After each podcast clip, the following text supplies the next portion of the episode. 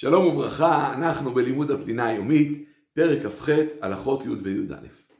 כאשר רוצים להוציא תרופה מתוך קופסת קרטון, או מתוך ניילון, או מתוך קופסת פלסטיק, מותר לקרוע את העטיפה כדי להוציא את התרופה.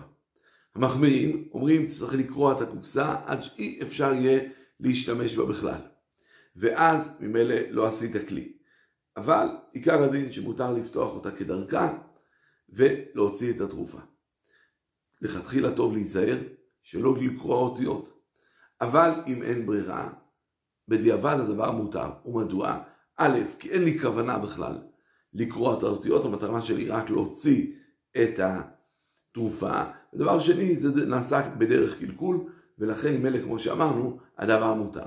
כמו כן, מותר לפתוח קופסאות פלסטיק שיש בתוכם תרופות, למרות שבזה קורע את הסרט הפלסטיק הקטן שמחבר בין הקופסה לבין המכסה, כיוון שבעצם הקופסה כבר הייתה קופסה והמכסה מכסה, והחוט של הפלסטיק הזה בא רק לאטום ולסגור את זה יותר טוב, אין בדבר איסור ומותר לפתוח למרות שעל ידי זה עיקרה החלק הקטן של הפלסטיק.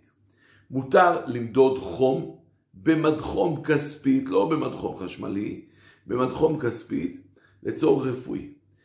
ואף על פי שלכתחילה אסור למדוד בשבת, כי זה עובדין דחול, לצורך רפואי ולצורך מצווה, הדבר מותר.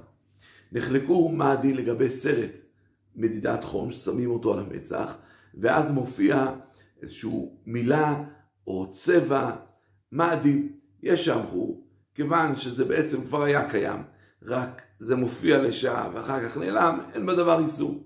ויש שאמרו לו, זה נקרא כתיבה לשעה וזה אסור מדרבנן. וכיוון שזה מחלוקת בדרבנן, אם יש צורך, אפשר להקל. הוא הדין לגבי כל מיני סטיקים של בדיקות, שבעצם על ידי שאתה שם, ואז מופיע איזשהו צבעים מסוימים. יש שאמרו שהדבר אסור כתיבה לשעה, ואסור מדרבנן. ויש שאמרו שכיוון שהוא לא מעוניין בצבע, אלא רק לראות את התוצאה, וזה ייעלם אחר כך, ממילא הדבר מותר.